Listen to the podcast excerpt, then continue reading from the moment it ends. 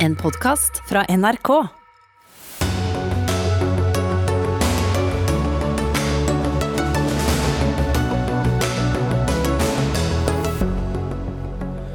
Stor spenning rundt ny vaksinestrategi. Vil yngre voksne og kommuner med høyt smittetrykk bli prioritert denne gang?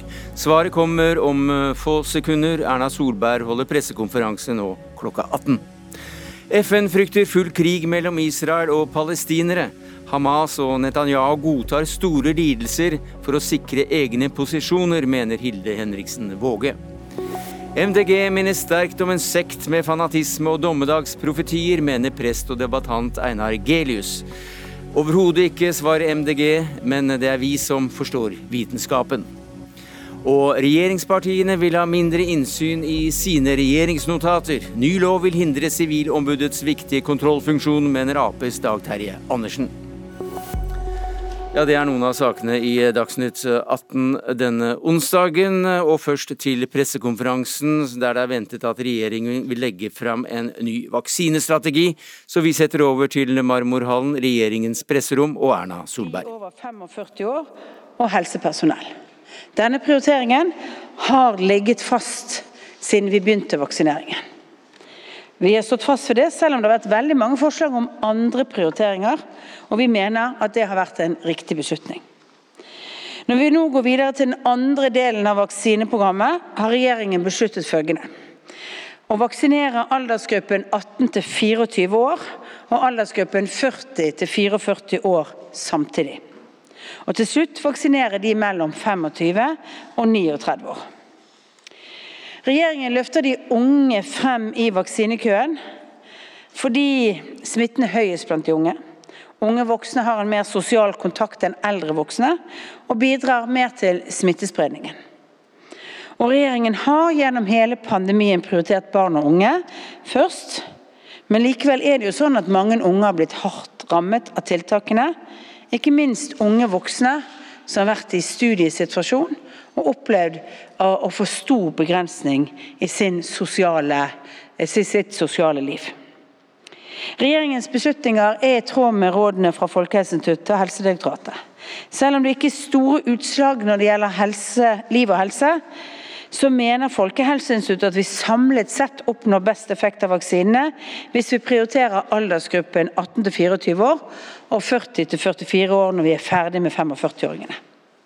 De peker på at 40-44-åringene har litt høyere risiko for å bli alvorlig syke, mens 18-25-åringene har høyere risiko for å bli smittet. For regjeringen har det vært avgjørende at den sammensetningen gir oss best effekt samlet sett. Så legger vi altså til rette for at vi raskere kan åpne samfunnet gradvis opp igjen. Regjeringen har besluttet å åpne for en mer geografisk omfordeling, men med noen vesentlige forbehold. Pandemien har rammet skjevt i vårt samfunn. I enkelte kommuner har det knapt vært smitte. I andre deler av landet har smitten bitt seg fast. Folk har levd under strenge tiltak veldig lenge. Derfor har regjeringen også bedt Folkehelseinstituttet vurdere den geografiske fordelingen på nytt. Folkehelseinstituttet mener at noen få færre vil bli alvorlig syke dersom vi gir en høyere andel av vaksinene til de 24 kommunene på Østlandet som har hatt høyt smittetrykk over tid.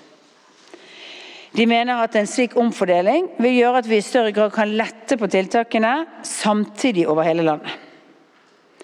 Slik at ikke kommuner på det sentrale østlandsområdet, som har levd lengst med strenge tiltak, også må ha de lengst utover våren og sommeren.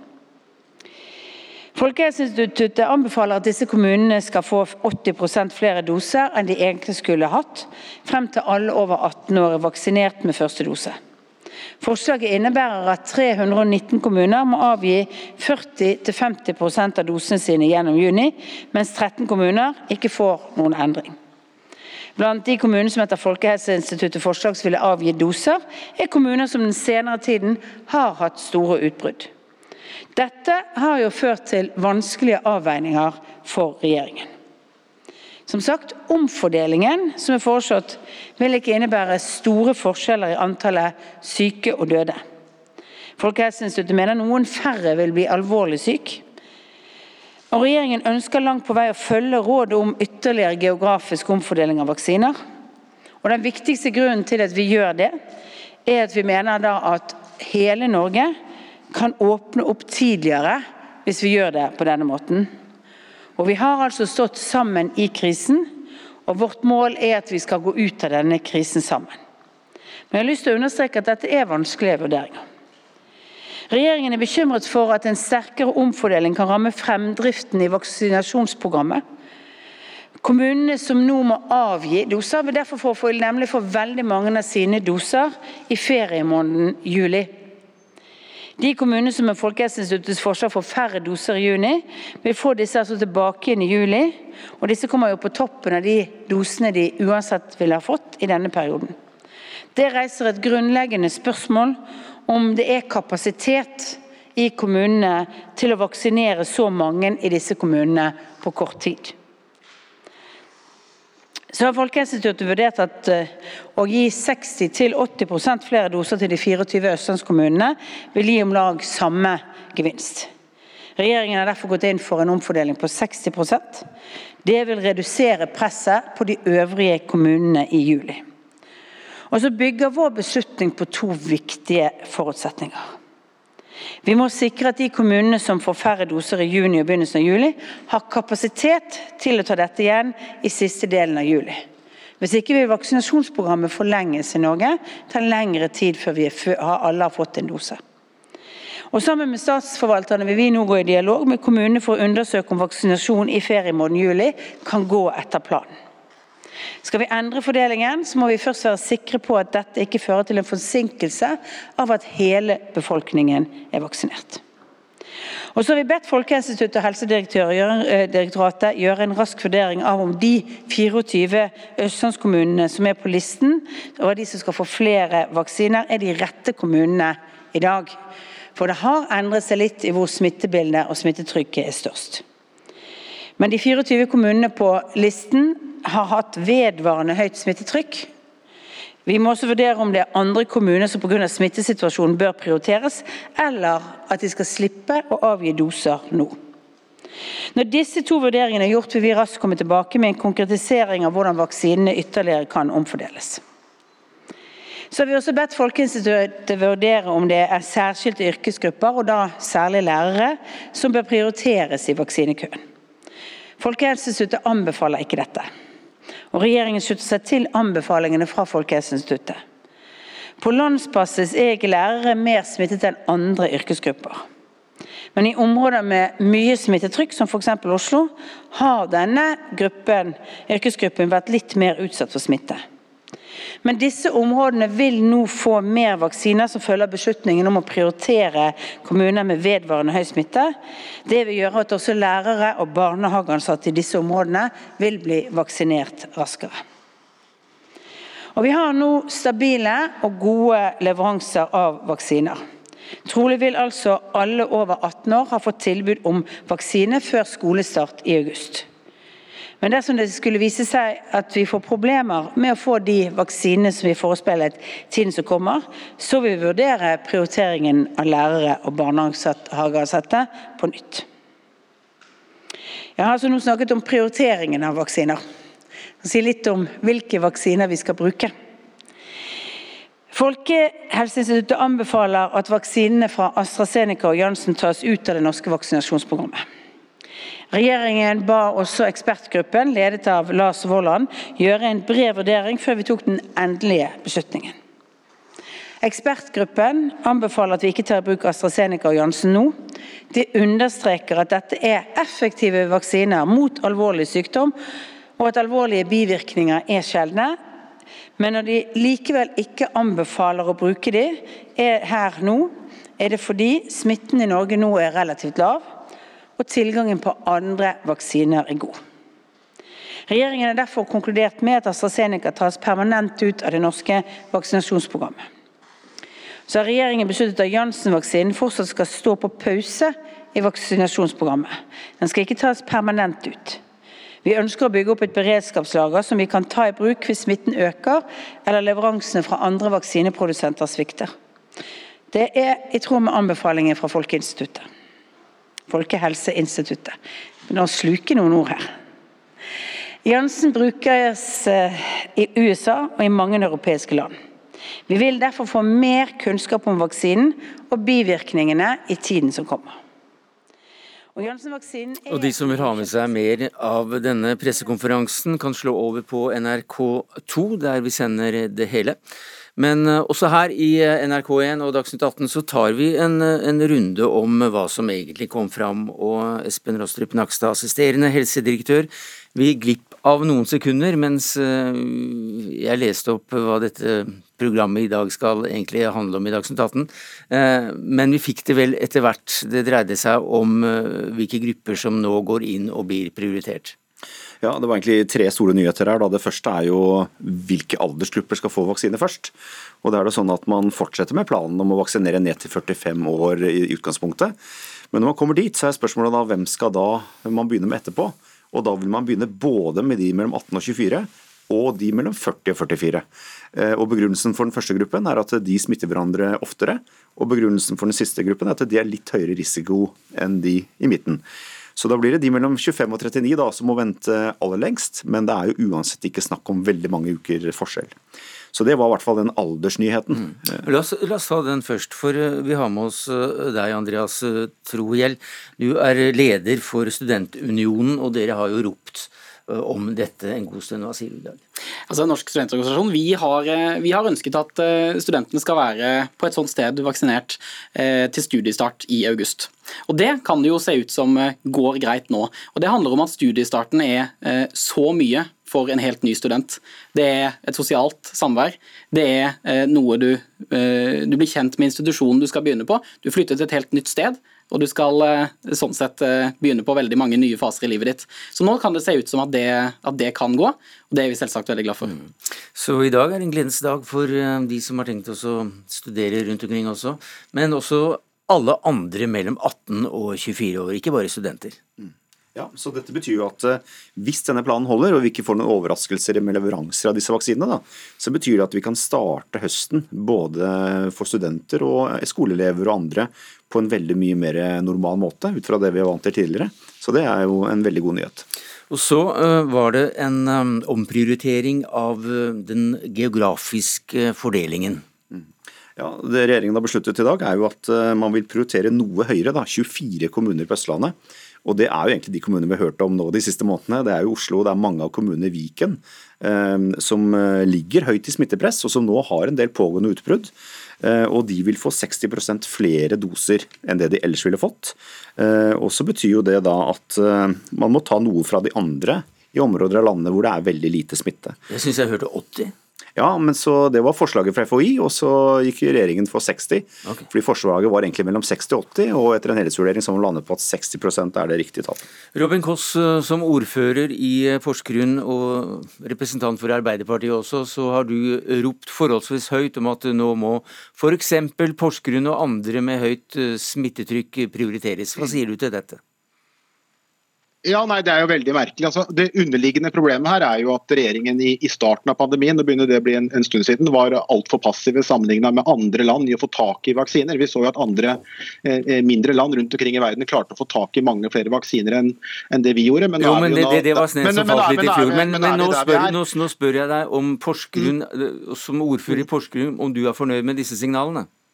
Nei, for det man sier her er jo at vi som nå har mest smitte i hele landet, skal nå avgi vaksiner til de som tidligere har hatt uh, smitte. Uh, og, og, som både Nakstad og meg selv lærte på doktorskolen, så er jo vaksine er jo mot framtidig sykdom, ikke mot tidligere sykdom. Så det nå å pumpe vaksiner fra de områdene som nå har masse smitte, over til de områdene som tidligere har hatt smitte, det er veldig Eh, ulogisk. Eh, det er riktig at byområder på eh, Østlandet har hatt større problemer med koronaen, men vi er nå et byområde på Østlandet som nå har store problemer. Vi ser også at Vestfold-kommunene også nå er i fare for å få samme oppbluss som det vi har hatt. Så vi syns det er helt merkelig at helt like bykommuner på vestsiden av Oslofjorden skal få færre vaksiner enn helt like bykommuner på østsiden av Oslofjorden, fordi at de for mange måneder siden har hatt mer smitte. Det, det er en logikk som eh, folk her eh, ikke skjønner i det hele tatt. Hvordan eh, logikk er det da regjeringen har Hvordan har regjeringen kommet fram til dette, her, Nakstad? For det første så skal jeg si at jeg er ikke helt sikker på alle de 24 kommunene, og jeg er litt usikker på Grenlandsområdet faktisk, om de er med eller ikke. Ok, Da tar vi en telefon så, mens vi snakker, ja, kanskje, og så får vi høre. det burde vi kanskje gjøre. Hvis vi får en oppklaring på dette, det er kjempefint. Altså, jeg, skjønner skjønner her at ikke, at ikke, man kan lese opp navn på alle kommunene, men dette er jo en, en, en, veldig stor frustrasjon her. sånn, og Jeg skjønner jo at ikke vaksiner kan slå ned utbruddet her og nå. Det er jo andre tiltak som, som hjelper. Men eh, for motivasjonen til innbyggeren, at vi behandles likt med eh, andre byområder på Østlandet, det er eh, veldig viktig for folk her. Men du, eh, Nakstad, kan ikke du sende en melding hvis du, hvis du får det til oss, bare høre om akkurat Porsgrunn kommune, som jo har en ordfører som har vært veldig mye framme i mediene om akkurat eh, dette tilfellet. Og det gjelder jo også andre kommuner i, på østlandsområdet med sterkt smittetrykk. Kan vi heller høre med deg i mellomtiden, Andreas Trohjell. Hvordan hadde virkeligheten vært for ja, studenter og andre uh, unge voksne, hvis ikke dette hadde kommet? Altså jeg tror det at uh, veldig mange nå, eller Vi vet jo at veldig mange har hatt det tungt uh, i det siste. bare for noen uker siden så fikk vi Studentenes helse- og trivselsundersøkelse som viste ganske magre og fæle tall egentlig på hvordan studentene opplever sin livskvalitet, og mange som er ensomme osv. Dette kan vi jo kanskje anta også gjelder andre deler av den unge delen av samfunnet, men også selvsagt andre. Så jeg tror at når vi nå Eh, når vi nå ser ut til å kunne kanskje gå mot en, en rolig og en vanlig studiestart, sånn sett, så har det veldig mye å si. Eh, studiestarten ved norske universiteter og høyskoler er hele grunnlaget for den resten av studietiden. Så det er klart at dette her tror jeg er en gladnyhet for eh, veldig mange. Det ble en bra dag, ikke bare fordi det er nynorskdagen og sykepleiernes dag, men eh, generelt. Nei, men eh, hva regner du med da vil skje rundt omkring på disse studie, studiestedene? Altså campounder og slike ting vil åpnes opp? Jeg håper at institusjonene nå planlegger veldig godt sammen med sine studenter for å få til gode studiestarter. Og Det vet jeg jo at de er i gang med å planlegge andre også. Og Dette gjelder jo selvsagt over hele landet. Og Kåss her kommer jo også til å få nye studenter til, til Porsgrunn og området rundt der. Så jeg håper jo at det planlegges godt for at de studentene tas godt imot. Nakstad, har du fått noe svar? Nei, Vi får se om jeg får det. Men eh, begrunnelsen for dette er jo rett og slett at eh, hvis man prioriterer litt flere vaksiner til de stedene som tross alt har et høyt smittepress, så kan jo hele landet gjenåpne mer likt. Og det blir jo mindre risiko for eh, smittespredning rundt i landet også i den gjennomsiktsfasen. Så det er jo, Dette er modellert, altså matematisk beregnet av FHI. da. Det er det som egentlig ligger til grunn for eh, forslaget. Jo, men Det går an å stille spørsmål selv om det er matematisk modellert. Absolutt, absolutt. Og et spørsmål er da om det er veldig logisk å gi eh, kommuner som har hatt høyt smittetrykk, prioritering. Det er ut fra en risikovurdering om de fortsatt står i fare for å ha et høyere smittepress enn de andre. Det er veldig stor forskjell i Norge nå. Det er knapt pasienter på sykehus eh, i Nord-Norge og Midt-Norge med covid-19. Det er eh, meg bekjent eh, åtte pasienter på Vestlandet innlagt med covid-19. De aller fleste er på Østlandet. Og Det er de samme kommunene på Østlandet, og Sør-Østlandet kan vi kanskje si, som stadig vekk har hatt nye runder med smitteutbrudd. sånn at det er en vesentlig forskjell her. Koss. Ja, nå fikk, jeg, nå fikk jeg inn meldingen her, og det er at vi må avgi eh, vaksiner. Eh, og eh, Erfaringene i Norge og resten av verden viser jo at sentrale byområder eh, er utsatt for mer smitte. så Sånn sett så er jo regjeringens logikk på greit. Men problemet er jo at man da internt i disse byområdene gjør en fordeling ut fra hvor smitten har vært tidligere.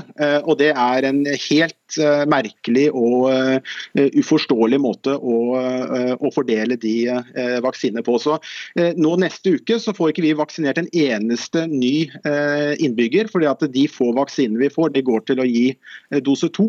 I tillegg så er det jo sånn at vi har brukt mye ressurser på å få tak i alle de eldre innbyggerne. og Vi har stor oppslutning om vaksinasjonsprogrammet, så vi har fått vaksinert godt over 95% av alle så langt som vi har tilbudt. og Det betyr at vi kommer lenger nedover i kullene. Så vi er, eh, har kommet kun til 67 eh, år.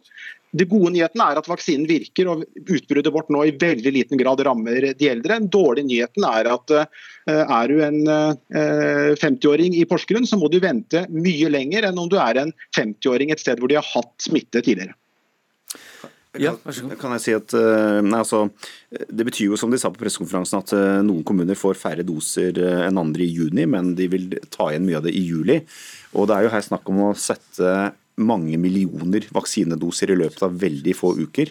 Eh, Sånn at eh, En av premissene som ble sagt i den pressekonferansen, er at man må sjekke med kommunene de faktisk har evner å sette så mange doser. Ja, men det så det er også en del av, eh, av regnestykket. Men det er noe ganske annet. Men det vi ikke fikk hørt, men som vi har fått melding inn i studio her nå, det er at regjeringen også går inn for at Johnson-vaksinen den skal være frivillig å, å, å be om.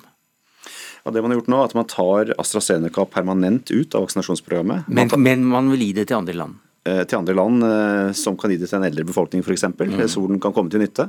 Så tar man også Jansen ut av vaksinasjonsprogrammet, eh, i hvert fall foreløpig. Eh, Sparer noen doser, og så åpner man for en frivillighet i helt spesielle tilfeller at du kan gå utenom vaksinasjonsprogrammet hvis du eh, har en god grunn og ønsker å ta den økte risikoen, så kan du få tilgang på den vaksinen etter nærmere bestemte regler som ikke er utarbeidet ennå. Takk skal du ha, eh, Espen Rostrup Nakstad, assisterende helsedirektør. Takk til deg, Robin Koss, du er eh, ordfører i Porsgrunn. Og til eh, studentlederen Andreas Trohjell, leder for også Norsk studentunion.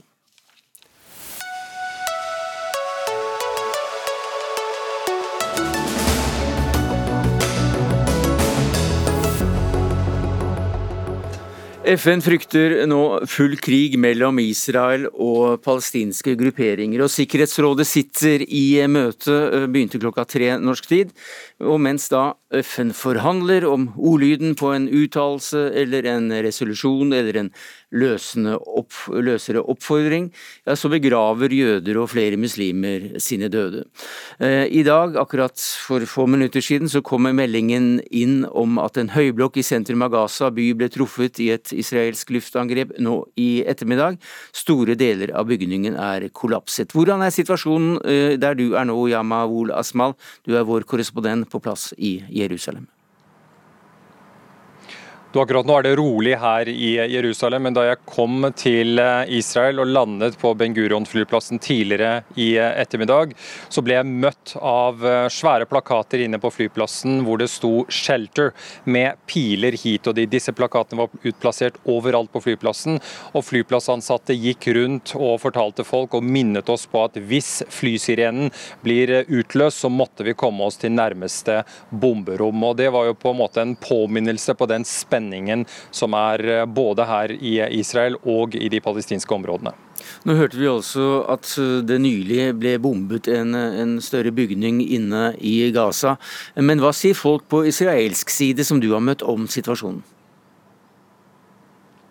Jeg møtte en eh, jødisk familie på vei ut av flyplassen. De var amerikanere som akkurat hadde ankommet. De har barn i Sør-Israel, og eh, denne bestemoren hadde ringt sønnen sin sa, som sa at de hadde vært oppe i hele natt inne på bomberommet sitt eh, fordi flysirenen gikk i ett sett og Hamas og palestinske raketter regnet i området rundt dem. Eh, Så det er klart det er eh, svært spent her nå.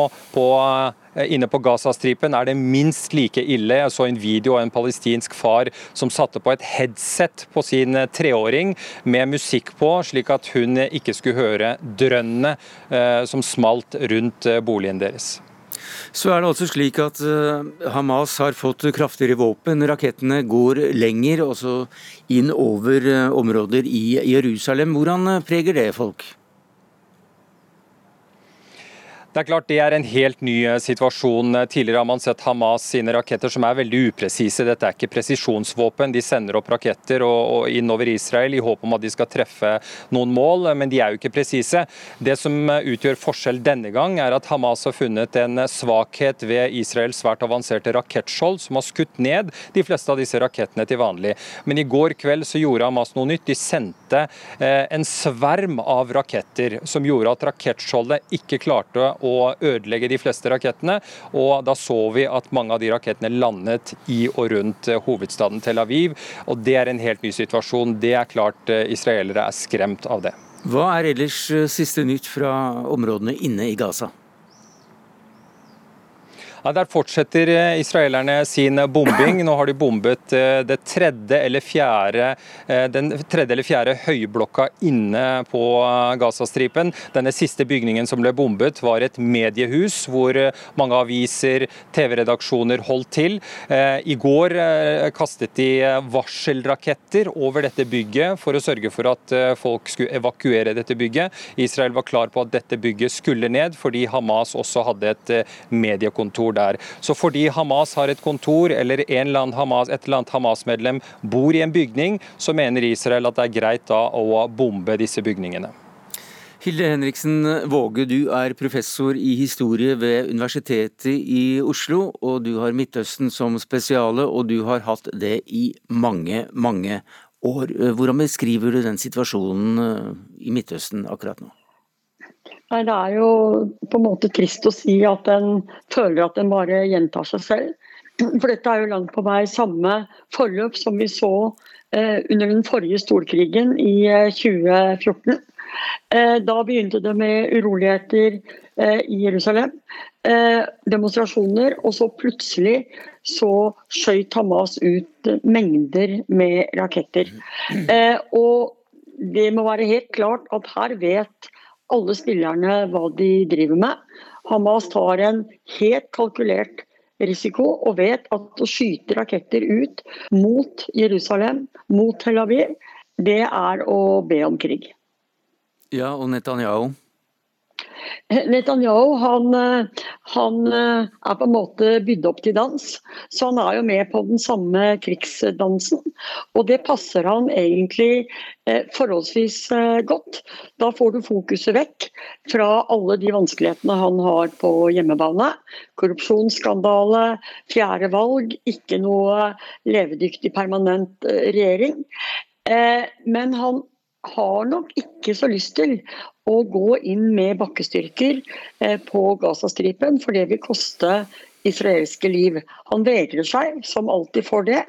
Men eh, vi har sett før at eh, blir eh, rakettregnet for stort over Israel, så gjør Israel også det. Og da er det den palestinske siden som bærer helt fryktelige sivile tap. Men Våge, du har fulgt uh, slike konflikter i Midtøsten og mellom palestinere og israelske regjeringer i en liten kvinnealder. og Allikevel så sa du da vi snakket sammen før sending at du ble overrasket over, over det som skjedde nå. Ja, jeg ble det, for det, nå har det vært forholdsvis rolig. Eh, de fleste av oss har trodd at eh, Hamas har ønsket å ha mer kontroll eh, over situasjonen. Så har vi lurt på om de har hatt nye og bedre våpen. Det har vi nå sett at de har. Men allikevel så er dette på en måte et svar på den enorme frustrasjonen også internt på den palestinske siden.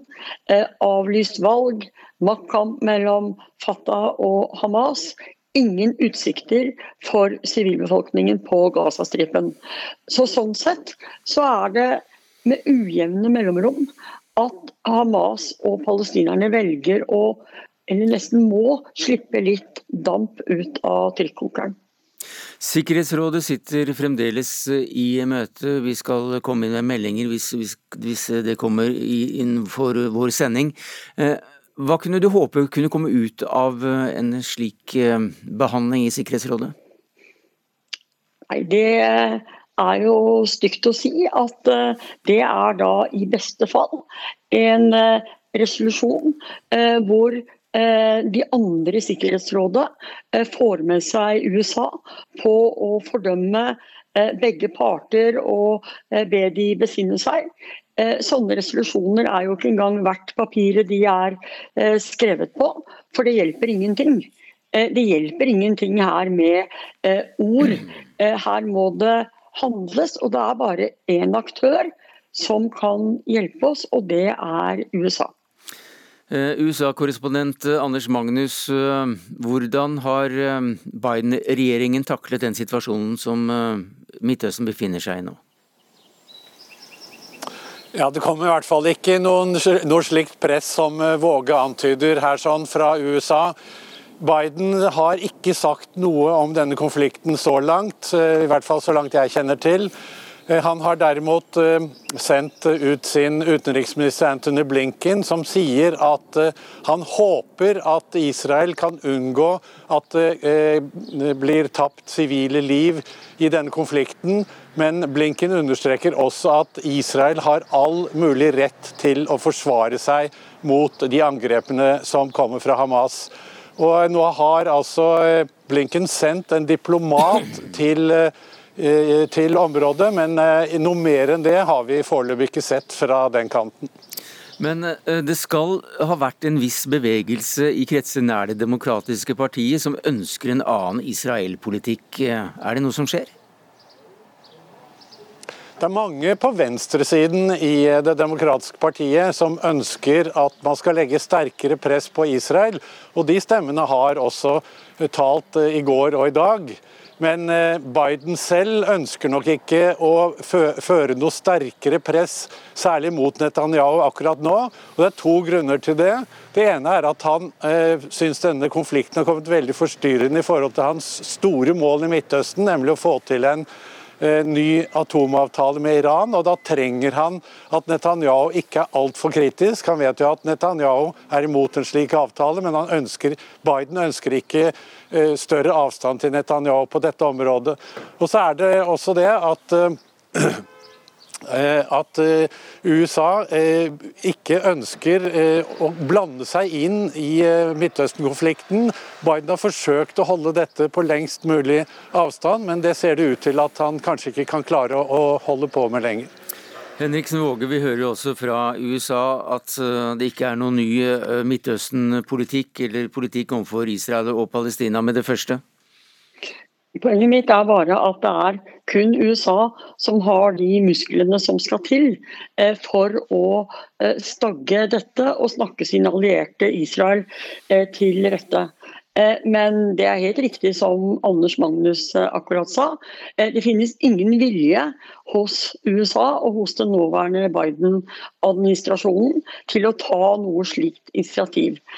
Det var Joe Biden med på når han var visepresident under Barack Obama. De tok et kraftig initiativ, og de landet med et solid mageplask. Og etter det så tror jeg eh, Joe Biden er så brent at å røre denne konflikten, samtidig med at du skal prioritere Iran-avtalen, og man har en stor pandemi og kjempeproblemer gående internt i USA, det er omtrent som å tro på julenissen. Og dermed så fortsetter krigen i Midtøsten. Anders Magnus, helt til slutt i denne delen her. Vi fikk jo merke at Trump eh, tok et initiativ når det gjaldt eh, denne konflikten, på den måten at han fikk en avtale bl.a. med Emiratene og, og, Israel. Er det ventet at Biden vil brette opp ermene og, og komme med noe nytt? Nei, det er absolutt ikke ventet. Tidligere så har eh, pressetalspersonen i eh, Utenriksdepartementet sagt at man håper eh, på at det kan bli en løsning i Midtøsten, men at man ikke kommer til å ta noe initiativ i konflikten mellom palestinerne og Israel. I hvert fall ikke nå. Om det kan skje på et senere tidspunkt, får man se på, eh, sa han eh, for et par dager siden. Så dette er en konflikt som Bidens regjering ønsker å holde fingrene lengst mulig vekk fra. Anders Magnus, du må bli stående litt lenger på fortauet, for du skal være med oss inn i neste sak. Men takk skal du ha, Yama Worasmal, korrespondent nå i Jerusalem. Og til deg, Hilde Henriksen Våge, professor i historie ved Universitetet i Oslo.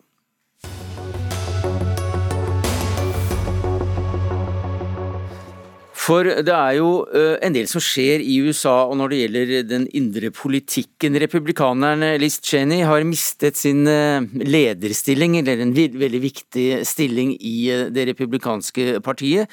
Hva er det som har skjedd, Anders Magnus? Det var en avstemning internt i republikanernes gruppe i representanthuset, som jo er det lavere kammeret i nasjonalforsamlingen.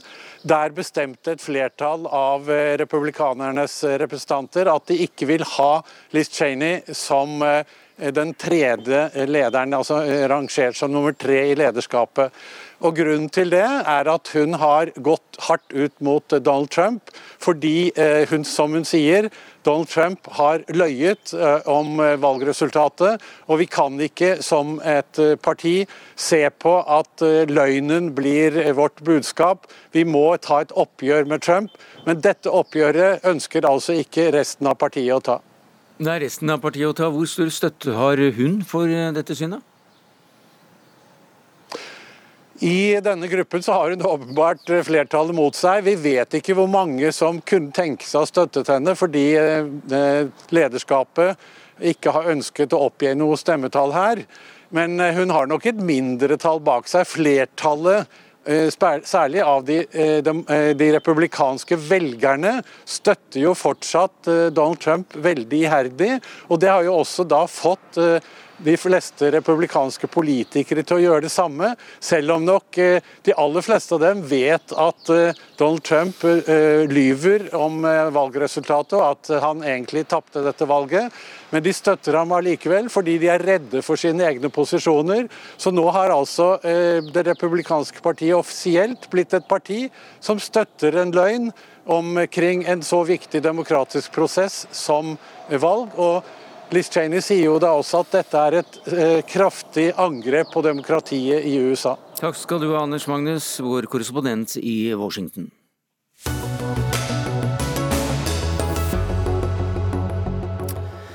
Har MDG klare trekk av å være en eh, sekt?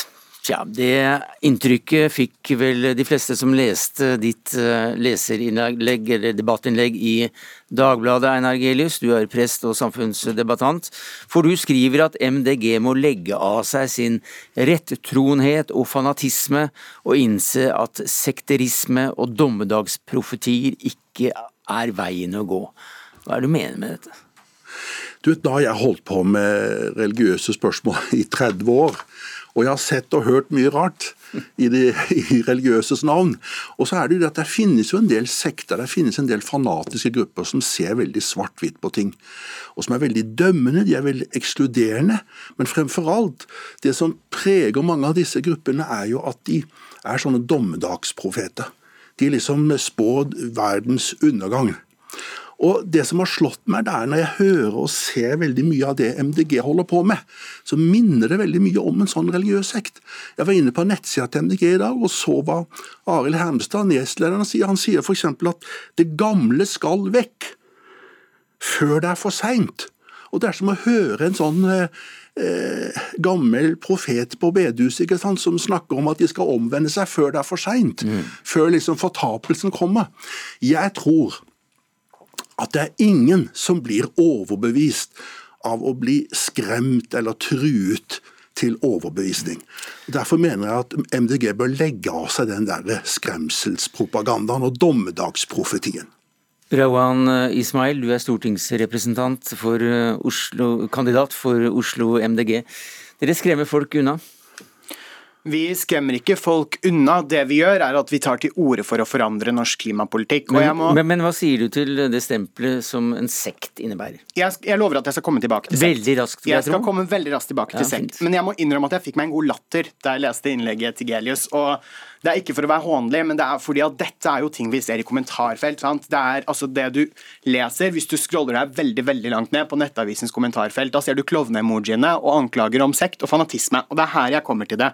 For det vi gjør, det er jo ikke å være dommedagsprofeter. Det vi gjør, det er å påpeke mange tiår med klimaforskning og si at det må få konsekvenser for norsk klimapolitikk. Vi har klimaforskerne i ryggen. Vi har de unge som er bekymra for framtida si i ryggen. Og ikke minst har vi den enigheten som verdens land har om å begrense klimakrisa i ryggen. Og så skal jeg forklare deg hvorfor jeg ikke er en dommedagsprofet bare fordi jeg er MDG-politiker. Jeg er ikke en dommedagsprofet ved å påpeke at klimakrisa er reell, ved at konsekvensene er farlige, men ved at det også er mulig å endre den. Det er jo derfor jeg stiller til valg, nettopp fordi jeg ikke er en dommedagsprofet. Fordi jeg tror det er mulig å få til forandring i norsk klimapolitikk. Det er gledens budskap, dette her. Jo da, men da, altså når Arild Hermstad sier det gamle skal vekk før det er for seint, da er det en slags dommedagsprofeti. Det er som å høre en av disse gamle predikantene på bedehuset. Det som er saken, det er jeg har bodd altså fem år oppe i Lom, oppe i Gudbrandsdalen. Fantastisk sted. Der bor det noen folk oppe i ei lita grense som heter Bøverdalen. De skal altså da eh, bruke to og en halv time i bil til sykehuset. De kan ikke ta sykkel dit. Det går ikke noe trikk der. Ikke noe T-bane. Ikke noe Bussen går kanskje to ganger i døgnet. Toget går fra Otta. Altså, de er helt avhengig av bil. Og så sier MDG da til disse folka, som bor ute i Bøverdalen oppe i Lom, at nå skal de skru opp bensin- og dieselprisene det er jo distriktsfiendtlig. Det er jo å avfolke distriktene. Og da tenker jeg, hvorfor skal man gjøre det utrivelig for folk? Det er jo det de holder på med. Jo, men nå, nå snakker du om hvordan politikken kan virke, men tilbake et, et, et, et øyeblikk, men tilbake jo, men til vi, men vi holder litt på denne retorikken, ikke sant. Det er, det er, det uttrykket som du først og fremst angriper i, i din artikkel, og sier at det taler mot uh, MDGs uh, politikk, eller mulighet for å skaffe flere velgere, og ødelegger egentlig for politikken. Men sekter har jo også eh, sin plass i samfunnet? Selvfølgelig har de det, men spørsmålet er jo om de når ut til folk med sin skremselspropaganda. Kristne var en liten sekt? Jo, det kan du si, men du må huske på at Heldigvis så har jo verden gått fremover. Heldigvis så blir jo alle disse dommedagsprofetene avslørt. Det er jo det som har skjedd gjennom historiens løp. Og jeg tenker at det er jo det som er så dumt i denne viktige saken, for klimasaken er en viktig sak. Det er så veldig dumt at MDG da, MDG da bruker skremselen, altså den, denne her retorikken om verdens undergang. Verden går selvfølgelig ikke unna. Vi skal selvfølgelig gjøre alt vi kan for å redde klimaet, for å få en bedre verden, men dere må slutte med å si at verden går under, at det er for seint snart. For det er det ikke. Verden går ikke under, men det som kommer til å gå under hvis vi ikke får til en forandring i norsk klimapolitikk, det er klimamålene som Norge har, og klimamålene som verden har. Og jeg tror at bak kritikken, til, eh, bak kritikken din, så skjuler det seg eh, noen eh, ganske sånn grunnleggende ting, og det er er man villig til å gjøre noen ting med den vitenskapen vi har. Fordi Når jeg stiller til valg, så er det jo for å få til en forandring. og du nevner, bare for å være helt konkret, du nevner fossilbilisme, du nevner flytrafikken, du nevner kjøtt og du nevner olje. Og du eh, anklager oss for å ville gjøre noe med de tingene her, og det har du helt rett i. Det er jo derfor jeg stiller til valg. Jo, for, for, å, for, å, endre kjøttforbruket vårt. For å få oss til å kjøre mindre fossilbil og mer elbil. For å få oss til å fly mindre og bygge ut tognettet i hele landet og ut av landet. Du, kan jeg bare si, Og så må vi slutte med olje og gass. Dette er klimapolitikk, og det er konsekvensen av den vitenskapen vi har over mange tiår om hva som trengs. Det som skaper klimakrise, det må vi slutte med, og så må vi begynne med noe annet. Det er derfor MDG fins. Jeg har lært en viktig ting at skal man få endre folks vaner, skal man endre folks holdninger og handlinger, så må man både bruke litt pisk og gulrot. Dere bruker bare pisk. Dere sier bare nei. Dere har bare en liste lang som fy, med bare nei-ord. Nei til ditt og nei til datt. Jeg tenker at skal man få folks til å endre sine handlinger og vaner, da må man faktisk også spille på lag med folk. Ikke som dere gjør nå i Oslo, hvor dere f.eks. trumfer gjennom sykkelveier mot by, mange bydelsutvalg. Det er er en faktafeil program. Ja, flertallet av Oslos innbyggere er for den politikken. Ja, men, men, jeg kan heller si det på en annen måte. Da, ja, men et, øyeblikk, et, et øyeblikk, men altså, det å love at jorda ikke skal gå eh, under på en eller annen måte, eh, det er jo en gulrot, det, da. ja, det kan du jo si. Ja. Men det er jo altså det er denne skremselspropagandaen som jeg tror slår veldig feil. Altså denne, denne, negativiteten, dette at man har en sånn fyrliste med alt man ikke har lov til. Og så er det snakk om en viktig ting til, og det er jo realismen i dette. Hvor realistisk er det at vi bare skal skru av oljekranen om ti år? Hva skal vi leve av? Hva skal vi, altså, ikke sant? Altså, det er noe med å være litt realist òg. Altså, målene tror jeg er veldig riktige på mange måter. Og jeg deler mye av den der eh, uroen jeg får både klima og miljøet vårt. Men det er noe med veien dit. Og skal man ha folket med, mm. så må man faktisk også spille på lag med folk. For folk på min alder, jeg er 21 år gammel, for folk på min alder så er det en enorm gulrot å fortsatt ha den friheten vi har i dag, til å leve gode liv, til å slippe flere naturkatastrofer, til å slippe en større flyktningkrise som følge av klimaendringene. Og så og så skal jeg forklare deg hva våre nei betyr et ja til. Når vi sier nei til flere flyreiser, så er det jo fordi vi sier ja til togutbygging. Når vi sier nei til flere fossilbiler, så er det jo fordi vi sier ja til elbiler og utbygging av ladenett i også distriktene. For jeg forstår behovet folk har for å kjøre bil, jeg forstår hva landet vårt består av. Og når vi sier nei til olje, så er det fordi vi sier ja til fornybar energi. Så det å si nei til klimagassutslipp, det er å si ja til en fremtid som er tryggere, som innebærer mer frihet, og som innebærer at min mm. generasjon har en fremtid å glede seg til, istedenfor en fremtid å grue seg til. Det handler ikke om at jorda går under. Jeg har aldri sagt at jorda går under. Arild Hermstad har aldri sagt at jorda går under. Dette handler om å redusere naturkatastrofer og sørge for at folk skal få leve gode liv i framtida. Dere har nettopp nå gått imot Nasjonal transportplan hvor dere har sagt nei til viktige, viktige veiprosjekter i landet vårt. Hvem er det det går utover? Det er jo distriktene. Hvor, hvor altså vi skal transportere gods inn og gods ut. Og dere, får jo ikke en stemme opp i Bøverdalen, opp i Lom eller oppe i, opp i Nord-Norge ved at dere sier nei til noe så viktig. Dere sier nei til distriktene, dere sier nei til å bygge landet. Og det er, det er det jeg tenker på. Hvorfor sier dere så mye nei? Dere må kunne si ja til noe. Og vi sier ja til togskinner, og vi sier ja til elbilladestasjoner, og vi sier ja til tog både inn og ut av landet, til ja, det, kontinenter det rundt omkring noe, i landet. Det kommer ikke noe tog opp til Lom. Vi sier ja til en fremtid det kommer ikke noe tog opp til Lom i Gudbrandsdalen. Vi sier ja til en fremtid som innebærer at vi ikke har en klimakrise hengende over Nei, men oss. Må være litt og det er derfor Miljøpartiet De Grønne fins. Ja, men dere må være litt realistiske. Men har dere snakket om uh, retorikken, hvordan dere blir oppfattet av uh, slike gamle folk som dere kaller Einar Gelis? Jeg vet ikke om jeg har kalt Einar Gelis gammel, um, så det får stå for noen andres regning. Men vi snakker alltid om hvordan vi skal snakke om de tingene her. Jeg, Når jeg stiller til valg som politiker, så er det fordi jeg har lyst til at flere skal bli med på engasjementet som jeg har, og som også veldig mange deler.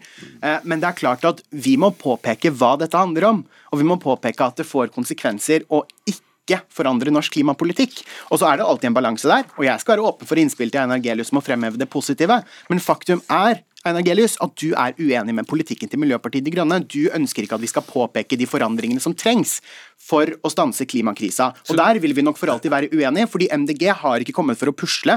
MDG har kommet for å forandre norsk klimapolitikk. Vi har kommet for å bli. Og hvis du ikke deler vårt klimaengasjement, så er det veldig synd. Da får vi sørge for at noen andre stemmer på oss. Men hvis eh, de forandrer retorikk, så er det du den første til å rope halleluja? Nei, jeg gjør ikke det. det. Men det som er interessant, er jo at når jeg skrev denne kronikken, det har jo så å si det har jo kokt over på nettet. Ja. Altså Det er jo tusenvis av mennesker som har engasjert seg. Det er klart, men spørsmålet ja, er, er hvilket selskap Det er klart, men spørsmålet er hvilket selskap ønsker å være Og det må du ta på alvor.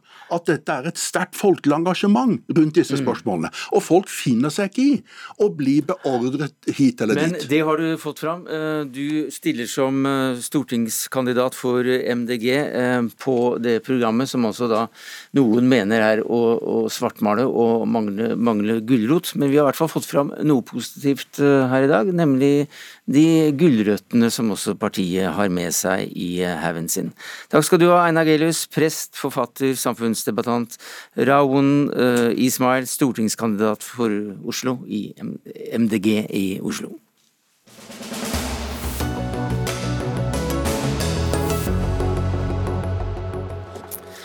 Ja, regjeringspartiene vil innskrenke Sivilombudets eh, adgang til å kikke regjeringen i kortene.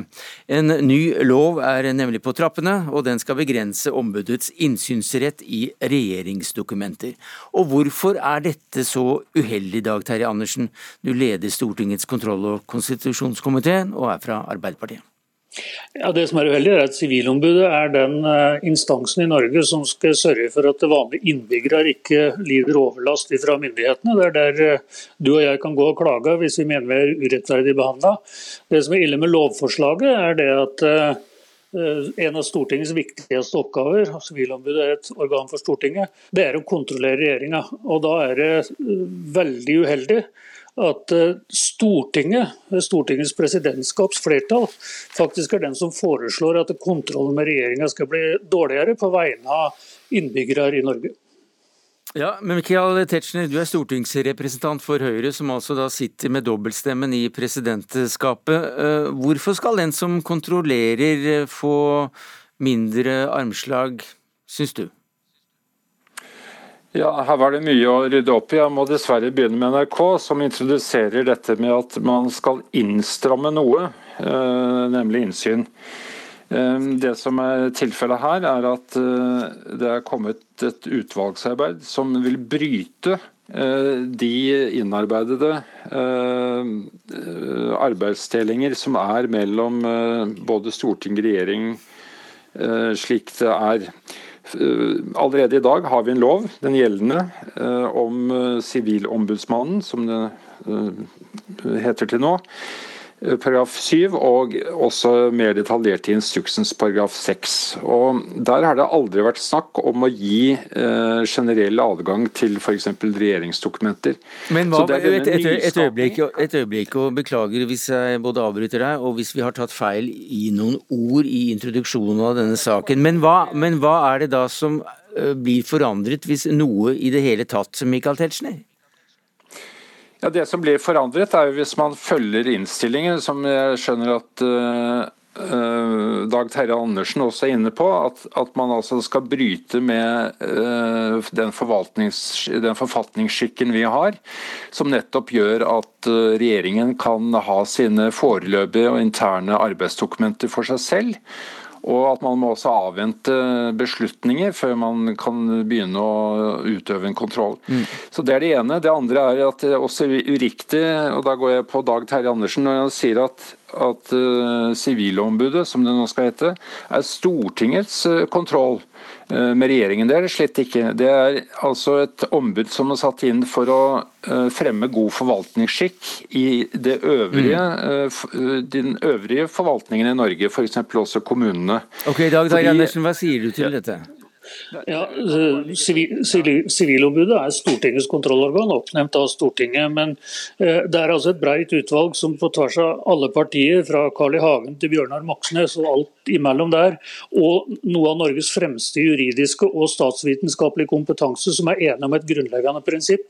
og det er at Det må være kontrolløren og ikke den kontrollerte, som definerer innsynsbehovet, altså hva en trenger av informasjon. Og Det som er helt nytt i forhold til dagens lov, med det Michael Tetzschner og hans partifeller nå foreslår, er at i dagens lov er det ikke noe unntak for eh, regjeringas dokumenter, eh, men det er altså det de foreslår nå. Og Det er veldig dramatisk at eh, Stortinget tar initiativ til å begrense kontrollorganets mulighet til å kontrollere eh, regjeringa. Men det, et øyeblikk, eh, Andersen, da høres det ut som NRK har rett? Andersen, det høres ut som eh, din versjon av dette da virker Det virker som om eh, den introduksjonen vi hadde av saken, at den stemmer, nemlig at det nye lovforslaget vil innskrenke Sivilombudets eh, mulighet til å ha innsyn i hva regjeringen foretar seg. Ja, Det er riktig, og det er en innskrenkning som ikke finnes i dagens lov, det, så det er noe nytt. Og Det som er tilfellet her, er at vi er kjent med at regjeringa har prøvd å stramme inn på muligheten for Stortinget generelt og for Sivilombudet til å ha den innsynsretten som er nødvendig for at demokratiet skal fungere. Men det utvalget som Tetzschner nevnte, har altså eh, stått oppreist på prinsippet om at det skal være kontrolløren og ikke den kontrollerte som definerer hva kontrolløren har behov for å få greie på. Mm. Det må være et bærende prinsipp i et demokrati der Stortingets oppgave er å kontrollere. Sivilombudet er et av Stortingets organer i forhold til det. Og Det var også Høyres Svein Harberg som var leder for dette utvalget, som fikk ja. alles tilslutning, Tetzschner. Ja, men Det er ikke det som er spørsmålet. fordi Her fremstilles det jo en, eh, en, en, eh, regler i dag som faktisk ikke eksisterer. Fordi I dag så har det vært uomstridt at regjeringen kan beholde sine regjeringsnotater for seg selv, at det arkiveres og, og, det går til og med over til eh, vedkommende regjeringsrepresentanter eh, etter at de har gått av.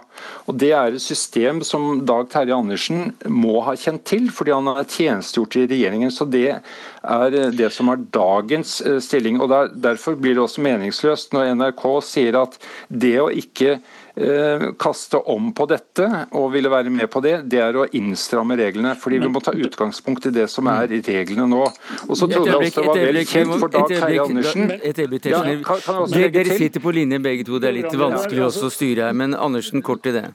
Programleder, er det riktig at det sjelden spørres etter R-notater. Det er heller ikke hovedpoenget med det forslaget. og Problemet med det er først og fremst at i tillegg står eh, og dokumenter knyttet til disse. og Det som da er helt nyskapende i forhold til en lov som ikke gir noen sånne unntak i dag, er at den, eh, i tillegg til R-notater så sier den altså at andre dokumenter som er knytta til det, kan regjeringa hemmeligholde. Det betyr at eh, Regjeringa får fullmakt til å sitte og definere hvem dokumenter som de mener at de skal og ikke skal gi ut. Det gjør kontrollmulighetene håpløse generelt, og det gjør det håpløst for Sivilombudet. Og det er en kraftig innskranking i det norske demokratiet. Og det dramatiske er at det er altså Stortinget som tar initiativ til å, inn, eh, til å innskrenke et av Stortingets eh, kontrollorganer sin mulighet til å gjøre jobben sin. Det er veldig dramatisk. Sindre Granli eh, Meldalen, du er rådgiver i Presseforbundet og i sekretariatet i Pressens offentlighetsutvalg. Vi hører altså en debatt om hva som er hva, og hva dette vil kunne ha å si. Mens dere som da jobber med dette mer eh, på bakken, eh, hva slags eksempler kan du komme med som, som viser forskjellen hvis denne endringen kommer?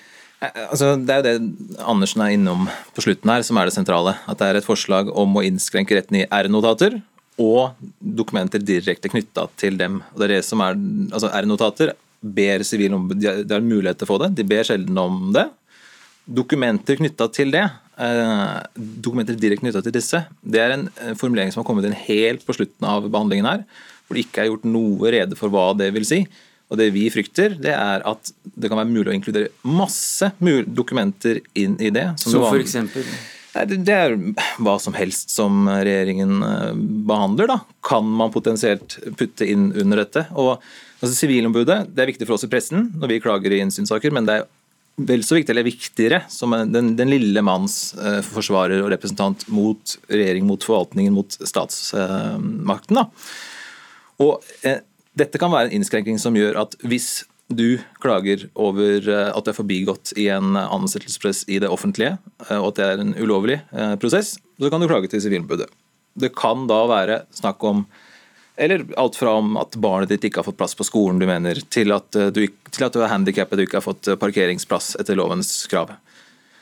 I alle slike saker så kan det være prinsipielle problemstillinger som regjeringen kan ha vært involvert i, og som ombudet kan ha eh, interesse av å undersøke om dette kan ha vært føringer, om det kan være en historikk, og som de da vil kunne etterspørre alle dokumenter. Eh, med dette forslaget så vil regjeringen kunne stå fritt til å si nei, dette er et dokument som er direkte knytta til et R-notat, dette kan vi ikke gi ut. Og da, etter dette forslaget, vil ikke engang Sivilombudet kunne vurdere det. Altså I dag så får Sivilombudet tilgang til de dokumentene. Og så vurderer de. Altså De får ikke tilgang til R-notater normalt. Så R-notater vil si? R-notater er de politiske notatene kan du si, som fører til altså, beslutninger eller prosesser i statsråd. Og det er helt riktig som Tetzschner sier, de er hemmelige, skal være hemmelige, skal ikke gå videre til neste regjering. Men det er denne formuleringen om dokumenter direkte knyttet til disse. Altså det er en veldig vid formulering og vag, og vi frykter at det er masse forskjellige dokumenttyper som kan dyttes inn i det. Og ombudet får ikke engang mulighet til å kontrollere om dette skulle vært omfattet av dette unntaket. Eh, og da, da får ikke ombudet mulighet til å sin, altså oppfylle sin kontrollfunksjon. Så det kan være veldig dramatisk innskrenking både for pressen, men også for alle de andre områdene som eh, ombudet har eh, ansvar for. da. Ja, Hvordan bruker pressen akkurat eh, denne tilgangen, der, eller retten? Ja, altså dette, disse dokumentene her er jo dokumenter som pressen normalt aldri har tilgang til. Um, men um, ombudet har jo masse sånne prinsipperklæringer for altså prinsipputtalelser som er nyttige for pressen, som har utvida vår innsynsrett som har gjort at altså presten, men også alle andre, hvis det skjer noe i samfunnet, eh, så, så har alle borgere og pressen anledning til å gå til eh, regjeringen eller kommunen der du bor og be om alle dokumentene det gjelder. Og så får man ofte et avslag. Og så påklages det, og så går det til slutt ofte til Sivilombudet. og Da kommer de med en prinsipputtalelse. Og Det er veldig ofte vi ser at de har en annen vurdering av innhold i dokumenter enn det regjering og forvaltningen har hatt. Og Det er fordi det er først det uavhengige organet som kan gi en reell vurdering. Det var det vi rakk i Dagsnytt 18. Takk skal du ha, eh, Sindre Granli Meldalen, rådgiver i Presseforbundet, til eh, deg, Dag Terje Andersen, Arbeiderpartiet leder i kontrollkomiteen, og til Michael Tetzschner, stortingsrepresentant i Høyre. Eh, ansvarlig for sendinga, det var Dag Dørum. Teknisk ansvar hadde Lisbeth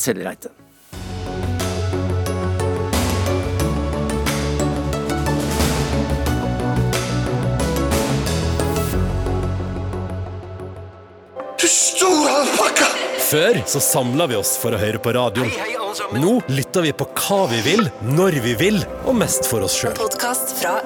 Vi lytter for å fylle ventetid, bli underholdt, oppdatert og litt klokere. Vi lytter for å la oss bevege av sterke historier. Eller bare av musikk. Så sjøl om mye har forandra seg, er det viktigste som før. Podkast og radio samler oss. For selv om vi nå lytter mest for oss sjøl, er vi aldri aleine når vi hører på. NRK Radio vi hører sammen. Hør podkaster og din NRK-kanal i appen NRK Radio.